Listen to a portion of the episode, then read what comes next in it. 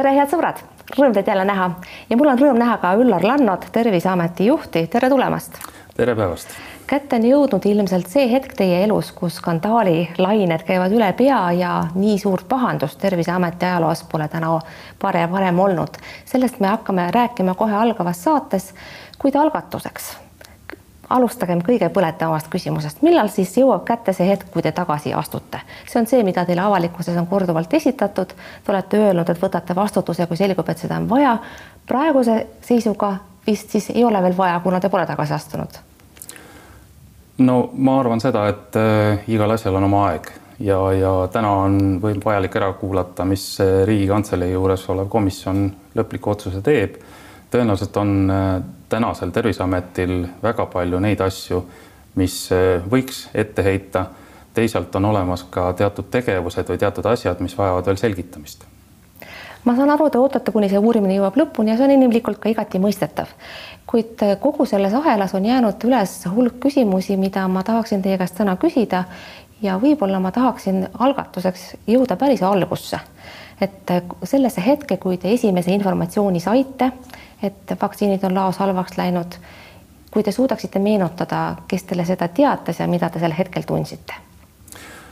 Äh, ma sain selle emaili teel teada meie enda hulgilao eest vastutavalt isikult, see oli kahekümne viiendal äh, juulil, juunil ja selle järgselt ma lugesin selle kirja läbi. Äh, ega tõenäoliselt ma ei, ei adunud seda, et mida see tegelikult kõik tähendab ma lihtsalt sain aru, et äh, selles vaktsiinilaos on äh, temperatuuri tõus olnud, ta on üle normi ja midagi on kahju saanud. ja tõenäoliselt esimene asi äh, oli see, et ma teavitasin ministeeriumit, et selline asi on toimunud. ja pärast seda hakkasin alles aru saama ülejäänud asjadest kuni sinnamaani, mis, mis seal tegelikult toimus. Te saatsite Tanel Kiigele kirja kahekümne viienda juuni õhtul. aga see teatamine toimus ka kirja, kirja teel ja see kiri ei olnud tegelikult kirjutatud mitte spetsiaalselt minister Tanel Kiigele, vaid äh, Ravimiametile, Riigi Kinnisvara Aktsiaseltsile ja siis veel mõningatele tippametnikele, koopiateele iseendale. miks te ei kirjutanud ikkagi Tanel Kiigele kirja isiklikult või isegi ei helistanud talle, nii tõsine asi? Äh, pean ausalt tunnistama, et ma ei, ma ei adunud seda hetkel, et see oli nii tõsine asi et see tagantjärgi on äh, kasvanud palju suuremaks, kui, kui see hetkel oli. ja ma pidasin vajalikuks seda infot nagu kiiresti vahendada. ja võib-olla pärast tagantjärgi oleks olnud jah, mõistlik võib-olla helistada ja seletada asju üksik, üksikasjalikumalt lahti. aga ega mul endal ka nii palju informatsiooni ei olnud, et ma oleksin selle kirjale hetkel osanud rohkem midagi öelda Tanel Kiik on teile ette heitnud, et alguses püüdsite probleemi pisendada ja peaaegu et valetasite või vähemasti on ta öelnud, et informatsioon, mida te talle alguses andsite, oli ebatäpne ja osutus hiljem valeks. mida teil on selle peale öelda nii minister Kiigele kui ka selle saate vaatajatele? no kindlasti juht saab jagada seda informatsiooni, mis tal on ja, ja ega mul hetkel ei olnudki paremat informatsiooni jagada Äh, tagantjärgi vaadates on alati inimene targem ja saab öelda, et äh, see ei olnud päris see, mida räägiti. mina rääkisin seda, mis mulle räägiti ja see oli minu jaoks parim teadmine hetkel. millal te saite aru, et asi on päriselt väga halb? No ma arvan, et siis ma sain kõige suurema äh, ülevaate, kui ma nägin ära seda, et see temperatuuri tõus oli toimunud mõlemas meie laos ja, ja teadaolevalt oli nendes kahes laos kogu see varu, mis meie majas üldse sellel hetkel oli, sest Covidi vaktsiinid olid ära viidud äh, Magnumi lattu. millegipärast äh, tekitas segadust teie esinemine ühel pressikonverentsil, kus te selgitasite nendest, nende rikkeseadete muutmist ja sellel ajal, kui teie rääkisite pressikonverentsil kaks aastat tagasi tehtud muudatustest temperatuuri parameetritest, selgitas pressiesindaja Imre Kaas, et äh, tegelikult käis jutt siis nädalapäevadest. miks te tookord rääkisite temperatuurist ja mitte ajast, nädalapäevadest, nagu tegelikult lugu oli? no tõenäoliselt ma mõtlesin seda aega, aga samaaegselt, kuna temperatuuri kohta oli küsimus, siis äh, ma ajasin selle lihtsalt sassi ja noh, olgu nüüd siinjuures ära öeldud, et eh, tegelikkuses eh, ühe süsteemi kohta mul täielikult informatsioon sellel hetkel puudus. ehk see on siis teavitussüsteem, mis oli selle maja enda ehitamisega sinna sisse planeeritud ja see oli ainus teadaolev süsteem, mis pidigi üldse ravimilao kohta informatsiooni andma. aga praeguseks me teame, et vähem paralleelseid süsteeme oli vähemalt kaks, kui mitte lausa kolm no nii ta oli jah, aga äh, täna olemasolev süsteem, mis oli projektiga sinna sisse planeeritud, see ei ole veel hetkel korda saanud. See summa, kahju, kahju tekitatud kahjusumma hakkas kiiresti kasvama, alguses rääkisite te umbes miljonist eurost natuke peale, kiiresti kasvas see summa kolme miljoni euroni ja üle selle. kuid tehnikarikke eest kindlustuspoliis ei kaitse ja tänase seisuga me tegelikult enam tehnikarikkest rääkida ei saagi. kas ma olen asjadest õigesti aru saanud? ega millest ruum äh, soojenes, seda ei ole me tänaseni õnnestunud välja selgitada veel, seda peaks tehniline uurimine nüüd Tehnilise ja Tarbijakaitse ja Järelevalveametiga selgeks tegema. et äh, see kindlustuses oli sees üks klausel, mis väitis seda, et seadmest tingitud kahju ei hüvitata, aga kindlustuskate oli võetud kõigile kahjudele aga veel enne, kui te kindlustuse poole pöördusite, võtsite ühendust advokaadiga, see ei ole midagi keelatud, kuid pole kuigi tavaline. miks te seda tegite? Noh, tegelikkuses äh, Terviseametil on teatud õiguslik äh, oskus ja inimesed olemas, et äh, kui me täna vaatame kindlustusjuhtumiga seotud olevat asja, kus meil on kaks erinevat kindlustuslepingut, nii hoone endaga seotud kindlustusleping kui ka Terviseameti kindlustusleping siis sedavõrd spetsiifilist eriteadmist Terviseametis endas ei ole. ja me kaasasime siis selle partneri, kellel on väga pikaajaline kogemus, üle kahekümne aasta selles valdkonnas, et need asjad saaks kohe alguses korrektselt tehtud. no aga see võib kergesti jätta mulje, et te kardate, nagu ei antaks raha tagasi, kindlustus ei tahaks hüvitada, tavaliselt tehakse selliseid samme siis. no vanasõna ütleb ka seda, et parem karta kui kahetseda. hästi Te praegu, mille selginemist te siis täpselt ootate, ma saan aru, viimase ameti põhjal on teile teada, et neid parameetreid, nagu te olete ise neid nimetanud, parameetreid on muudetud Terviseameti konto alt ja ei ole selge, kes muutis. kuid minu meelest, kas sellel ongi enam nii tohutult tähtsust, kuidas saab üldse olla, et Terviseametis on mingisugused nimetud kontod, mille alt saab muuta strateegiliselt tähtsaid näitajaid, kuidas see võimalik on mm? -hmm no ma tulen ikkagi tagasi selle juurde, et äh, meie süsteem oli ostetud äh, lisaks peale seda, kui hoone ise oli juba valmis, hoone ise oli kasutusele võetud ja sellel hetkel, kui hoone kasutusele võeti, oli tema sees olev Riigi Kinnisvara Aktsiaseltsi teavitussüsteem, mis tänase hetkeni ei tööta ja ei andnud ka veateadet sellel momendil, kui see ülekuumenemine toimus meie süsteem oli häälestatud nädalavahetuse päevadele. Selle süsteemi sees oli hulgaliselt isikuid, kellel oli see võimalus olemas, kes olid kõik nimelised, aga üks konto oli seal selline, mis on ainult nimetusega Terviseamet. Ja selle konto pealt on tehtud muudatust ja seda me üritamegi selgeks saada, et kes selle taga on. aga miks selline nimetu konto üldse olemas oli? mul on väga raske täna öelda seda, et miks kaks tuhat seitseteist aastal selline konto tehti et äh, selline konto eksisteeris seal sees ja kas see oli siis vajalik tootjale, kes seda installeeris, et nimetada esimene sissekanne sinna sellise nimega või oli see pärast äh, hiljem juurde tehtud, ma kahjuks ei oska öelda seda. aga ei peaks olema eriti keeruline välja selgitada, kes selle konto alt süsteemile ligi pääsevad? Põhimõtteliselt küll, aga selleks on vaja näha logifaili, et äh, aru saada, kes on millise konto alt millisel ajahetkel asju teinud. Teil ei ole seda logifaili ikka veel? meil äh, asutusena ei ole võimalik sellist äh, logifaili ise sealt välja võtta, me peame selleks kasutama ikkagi tootja enda abi. ehk siis meie jutt käib süsteemihaldurist Car Systemsist? jah aga temaga te olete juba ju praegu siis ikkagi ühendust saanud või on see ikka veel viibinud? Me oleme temaga ühendust saanud ja, ja, ja selle järgselt me saimegi teada, et see on meie enda konto, eh, mistõttu tänane leping, mis meil omavahel on, eh, ei näe ette sellist teenust, et ta peaks eh, meie jaoks selliseid asju sealt välja tooma, meil on tavaline tavaline teenusleping, et selleks, et see süsteem toimiks ja see süsteem ju iseenesest toimis, et. oota, te tahate öelda, et me võib-olla ei saagi teada, kes see salapärane superadministraator oli, kes sätteid muutis? terviseamet teeb kõik täna selle nimel, et seda saada teada mida te saate veel teha peale Car Systemsi poole pöördumise?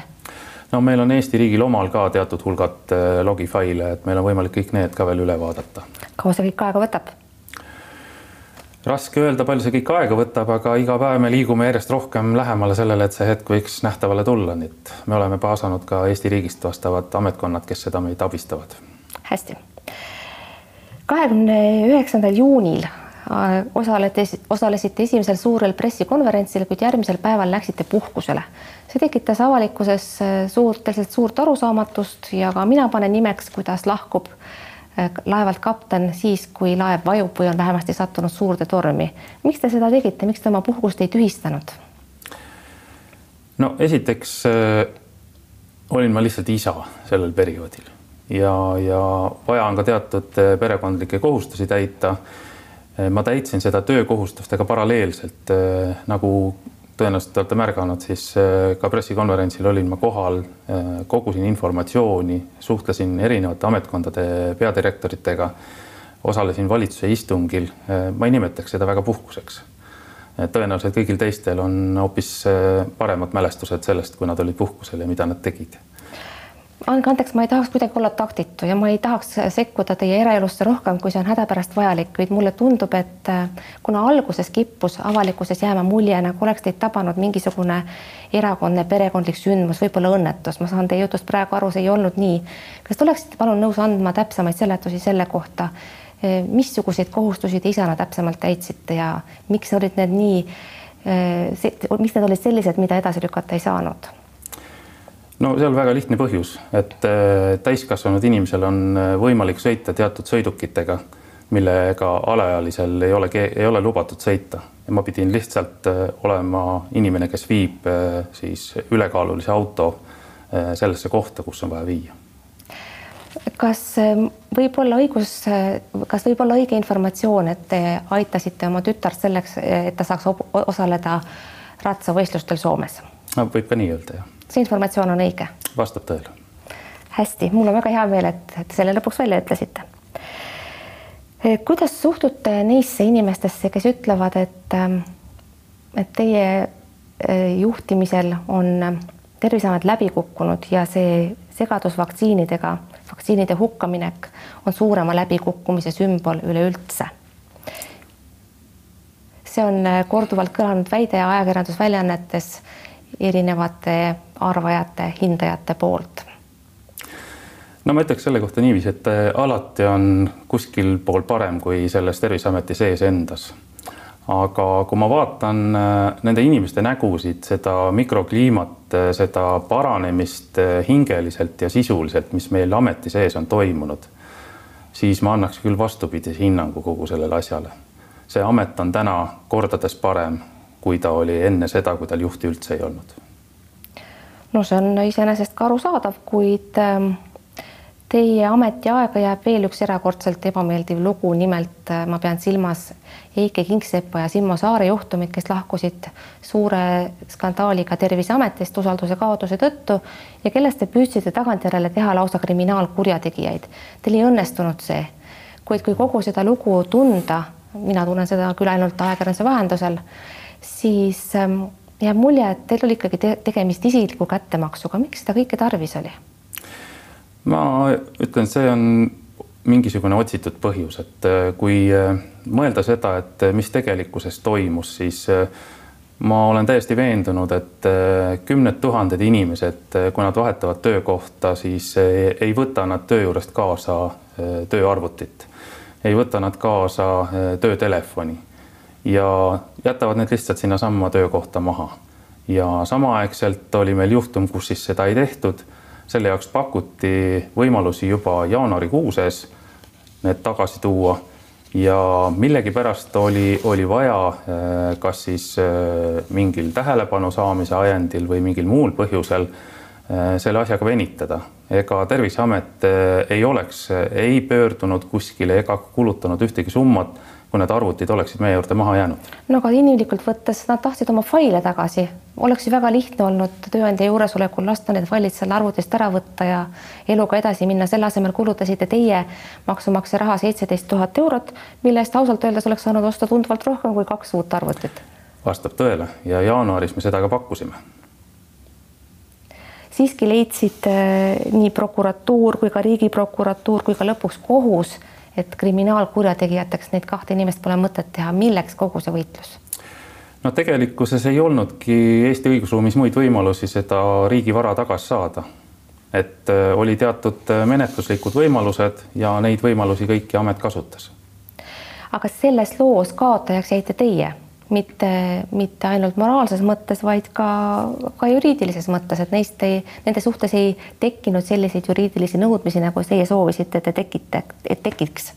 ehk siis mm. tegelikult te ei kaotanud seda võitlust ju mitte ainult isiklikult ja seda ei kaotanud Terviseamet, vaid kaotas ka Eesti riik. oli sellel kõigel siis Eesti riik võitis. Eesti riik võitis selle teadmise, et kõik töötajad täna, kes töölt ära võivad minna, võivad oma arvuti kaasa võtta ja ma kujutan ette, et neid arvuteid võib väga palju olla. ma saan aru, see oli iroonia praegu? ei, see ei olnud iroonia, vaid see oligi, ütleme õiguslikult tänasel hetkel läbi vaieldud üks momentidest, kus äh, täpselt nii ongi, et äh, töövõtjal on täna õigus selle lahendi puhul kaasa võtta kogu see vara, mida ta kasutas, öeldes, et seal sees on kas üks pilt või mingi tegevus, mida tal on vaja seal säilitada. Teie jaoks oli see kahtlemata pettumus ma ei ütleks, et see pettumus oli, vaid äh, pigem oli see nagu selgus selles küsimuses, et äh, mis on tööandja võimalused ja, ja milline on tegelik tänane õiguslik ruum. nii et tagantjärele olete te rahul, et te selle raja läbi käisite? Äh, noh, ütleme, kui nüüd tagantjärgi mõelda selle peale, et mida oleks saanud teisiti teha, siis tagantjärgi on kõik targad, eks ju. aga kui ma võtan seda, et nendel hetkedel, kus vara on kirjutatud Üllar Lanno nimele ja Üllar Lanno peab ise selle vara tagastama, siis äh, ei olnud mul muud võimalust asutuse juhina, kui seda vara kellegi käest tagasi taotleda. hästi, tahaksin küsida ka veel selle kohta, kuidas te Terviseameti peadirektoriks saite. uue juhi leidmiseks korraldati tookord avalik konkurss ja te kandideerisite sellel konkursil. enne seda olite te töötanud kohtuekspertiisi instituudi direktorina alates kahe tuhande kuuendast aastast, kui ma ei eksi miks te otsustasite ametikohta vahendada, vahetada, kas seal instituudis hakkas igav või ei jagunud piisavalt väljakutseid? milles oli asi? no ma arvan, et äh, väga paljude töötajate käest võib küsida, eriti noore põlve töötajate käest, kes äh, ligi aastase töötamisega otsivad endale uut töökohta, et mul õnnestus seitseteist aastat ühe koha peal ikkagi juht olla. ja seda või seda võib öelda, et kõik ambitsioon tõenäoliselt, mis sellel hetkel sellele kohale oli võimalik rakendada vaadates selle asutuse äh, täit tervust ja, ja ka tänast elujõudu, siis see oli minu poolt sinna antud. ja kui juht on kuskile midagi juba nii jäägitult andnud, siis loomulikult äh, tekib kaks küsimust. esimene asi, et kas on olemas teine väljakutse, kus on võimalik ennast uuesti proovile panna ja variant kaks on jääda olemasolevasse keskkonda niinimetatud vegeteerima ja, ja jõuda lõpuks pensionini välja. asi oli sealmaal, et juba vegeteerisite. mitmes katse teil oli see töökohta vahetada, enne kui Terviseameti juhiks saite? mitmesse kohta kandideerisite varem? Äh, te mõtlete nüüd tervishoidu tagasi? ei, ma pean pigem silmas, et mitu, mitu katset ametit vahetada tegite kohtuekspertiisi instituudi direktori ametis viimastel aastatel no ma arvan, tervishoidu tagasi kolm-neli korda. ja lõpuks Terviseameti juhiks õnnestus siis saada, esimesed katsed ebaõnnestusid? Äh, jah, selles mõttes võib öelda, et äh, kolmikust äh, kahjuks juhiks ei saa, et selleks tuleb ikka võita see konkurss. arusaadav. Teil oli selle instituudi direktorina ka üks jama ladudega, nii et pealkirjad on ironiseerinud, et teil on ladudega halb karma.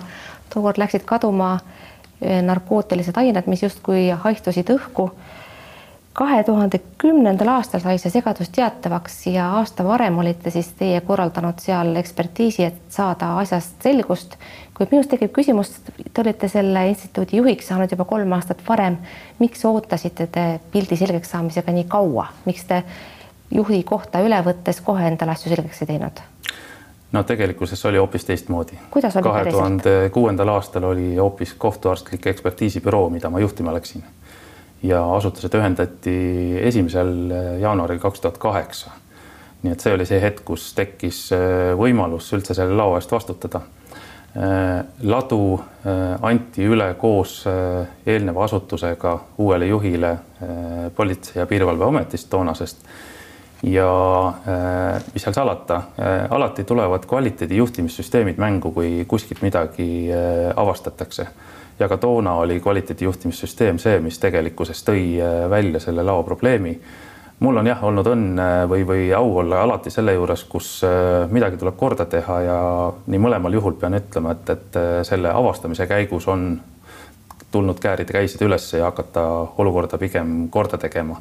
nii et äh, asja avastaja ei pea olema alati see, kes selle põhjustas võib-olla selgub see samamoodi ka Terviseameti puhul, kuid praegu siiski tundub, et avalikkus eeldab teie käest seda vastutuse võtmist ja ausalt öeldes ma natukene imestan, et te seda ei tee, sest äh, see ei oleks tegelikult mitte tingimata ainult ka avalikule survele järeleandmine, vaid võimaldaks ka nii-öelda õhu puhtaks lüüa, teil endal ka minna puhtalt lehelt edasi.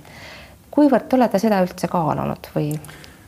ma intervjuu alguses ütlesin, et igal asjal on oma aeg, et äh, olles nüüd äh, asutust juhtinud esimesest oktoobrist eelmisest aastast siis äh, tõenäoliselt äh, selle kriisi foonis, äh, kust me tuleme, oli väga raske Terviseameti juhina mul nagu mõelda selle peale, et ma peaksin kõigepealt esmale järjekorras minema kontrollima, kas hoone automaatika töötab, kas ta seadeid saadab ja, ja tegema sellist ütleme, rahuaja tööd. et antud hetkel ma leian, et mingid asjad olid juba projekteerimisfaasis aastal kaks tuhat neliteist tõenäoliselt ette ära programmeeritud ja see, et see klimaatiline äh, tingimus tuli just täna, sellel suvel, mille tõttu tegelikkuses see soojenemise etapp tekkis hoonel, siis äh, kõigepealt teeme need põhjused selgeks, siis vaatame, kui suur roll sellel oli minul ja kui see roll on piisavalt suur, siis seda võin ma küll öelda, et oma töötajate nimel ma olen nõus selle vastutuse võtma arusaadav, mitu korda te olete ennast juba kirunud, et te üldse selle ametikoha peale sattusite? noh, üldiselt mul on selline komme, et ma iseennast ei kiru, et eh, kui ma otsuse vastu võtan, siis ma selle, selle otsuse ka reeglina teoks teen. et eh, kui mõelda seda, et eh, kõik need, kes minu asemel oleksid, tõenäoliselt peaksid ka ennast kiruma, aga juhte on Terviseametil ju palju olnud ja aegu on Terviseametis olnud erinevaid ja teistsuguseid. et kui see on minu saatus, siis see on minu saatus ja eks ma pean sellega leppima. Üllar Lanno, viimane küsimus, mis te arvate, missuguse tippjuhina te ajalukku lähete, missugusena te tahaksite minna? no sõltub sellest, äh, kes vaatab, et kui ma nagu mõtlen seda, mis on need asjad, mis Üllar Lannost on juba Eesti riiki täna tekkinud, mis asjad on Üllar Lannost jäänud üle piiri väga suure krimilaborite võrgustiku sisse. Äh, millised on need tähelepanuhetked, mis on meedia kaudu nähtavale tehtud äh, Terviseametist, siis tõenäoliselt on seal piisavalt palju neid hetki, mille üle saab uhkust ja rõõmu tunda. aga täna võib öelda, et ei ole kõige paremad hetked. meelde tuleb üks ütelus, kus öeldakse, et see, et täna on pilves ilm, ei tähenda, et kogu aeg sajab Lanna, suur tänu, et tulite stuudiosse juttu ajama, head sõbrad, aitäh, et vaatasite. vaadake teinekord ikka jälle, olge vahepeal terved, mingu teil hästi, kuulmiseni, nägemiseni